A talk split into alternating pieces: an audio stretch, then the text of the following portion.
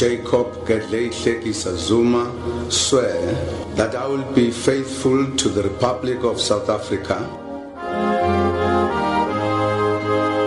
You're a broken man presiding over a broken society. The president thus failed to uphold, defend, and respect the Constitution as the supreme law of the land. Navorsing rondom kinderontwikkelingsfases sê dat dat 'n kind aanvanklik probeer om maar net kritiek te vermy tot so op ouderdom 12 en so geleidelik leer 'n mens dan ook hanteringsmeganismes aan om jou half te staal ook teen negatiewe kritiek. Frikkie de Plooy is 'n sielkundige van Pretoria. Hy sê behalwe vir die vermydingstaktiek, kry die meeste mense dit reg om die impak van kritiek te versag deur middel van interne en eksterne locus van kontrole.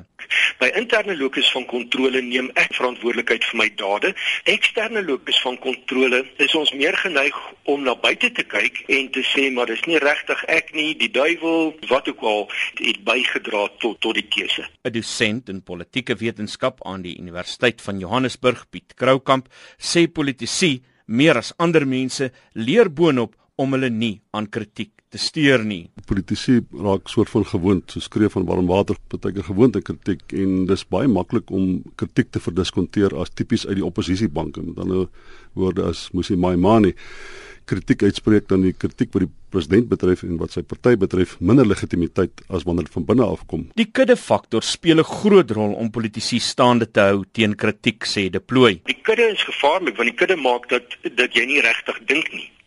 Jy funksioneer net binne die kudde en dit is vreeslik maklik om wanneer daar kritiek is agter die kudde weg te kry. As 'n mens die beginsel van die kudde verstaan, is dit makliker om te begryp hoekom openbare kritiek so min ooglopende invloed op die president het, sê Kroukamp. Hy skryf Zuma se weiering om te bedank ten spyte van die oorvloed kritiek teen hom hieraan toe, veral as die kudde 'n oorheersende party soos die ANC is. Dit gaan oor uh, stelsels waar daar meer mededingende partytetiek is en daardie stelsels dink ek sal die president hierdie tyd al waarskynlik gegaan het met ander woorde in die FSA en Brittanje en waarskynlik in dele van Wes-Europa, maar as jy praat van China, as jy praat van Indië, as jy praat van Mexico, Venezuela of ander plekke in die wêreld dan het die president dit waarskynlik ook nog oorleef. Maar eers moet enige mens, selfs 'n politikus met 'n olifantvel, meegee onder die golwe van kritiek. South Africa does not belong to Zuma. We have a country of amazing amazing people and one idiot is running it. Daar is tekens waarna 'n mens kan oplet, sê die sielkundige Dion van Sail van Johannesburg. As dit aan die eie waarde raak, dan kan die persoon begin 'n verdedigingsmeganismes uitgooi en dis goed soos rasionalisasie. There is no case against me about Ntandla or no pending arrest, nothing. Um humor of, of spot. Nkandla Nkandla Nkandla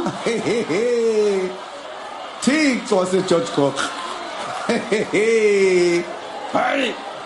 There is a broken president in a broken country you know my babo Ander meganismes is is as 'n persoon hy reageer nie op die kritiek nie hy val terug op sy ou patrone. Who came first? Was it a democratic country or the ANC? Who came first? en natuurlik dan is daar ook die aggressie of die teenaanval. I've been convicted, painted black, called the first class corrupt man on facts that are not tested. I take exception. Maar daar is 'n sekere persoonlikheidstipe wat meestal immuun is teen die kritiek, sê van Sail. Hierdie persoon is dogmaties, autoritair, klou rigied vas aan tradisies en eie waardes en hulle het 'n hoë vlak van binnegroep begunstiging. Die verduideliking pas netjies in die kraal van die filosoof Willie Esterhuizen. Volgens hom is die president 'n tradisionalis. Die president verstaan nie hierdie stories oor korrupsie en dis meer nie want hy het 'n totaal ander verwysingsraamwerk as wat 'n modernis het. Binne 'n tradisionalistiese kultuur ondersteun jy die standpunt van die leier kamel or high water. Maar so stadig seker raak die krake duideliker sê Estreisen. Ten spyte hiervan moet Suid-Afrikaners nie te opgewonde raak oor die beplande mosie om president Zuma later vandag in 'n staat van beskuldiging te plaas nie, meen Kroukamp. Volgens Estreisen is daar in weerwil van toenemende eksterne en interne kritiek te veel gevestigde belange vir die ANC om onder die openbare eis vir die president se kop te soog. Wanneer die tentakels alreeds so ingegaan het, soos wat dit ingegaan het, help dit nie om net hier en daar 'n arm af te kap nie. Jy moet die seekat se kop moet jy verwyder. En dis 'n baie groot kop. Dit is nie bloot net meneer Zuma nie. Praat altyd van die onheilige driemanskap. En dit is eh uh, meneer Gweri Matashe en Nsemane en dan Jesse Duarte. Nou hulle speel 'n sleutelrol om hierdie arms van hierdie vergane Moses om hoof te hou. En hoe ver hulle bereid sal wees om teen hom te draai.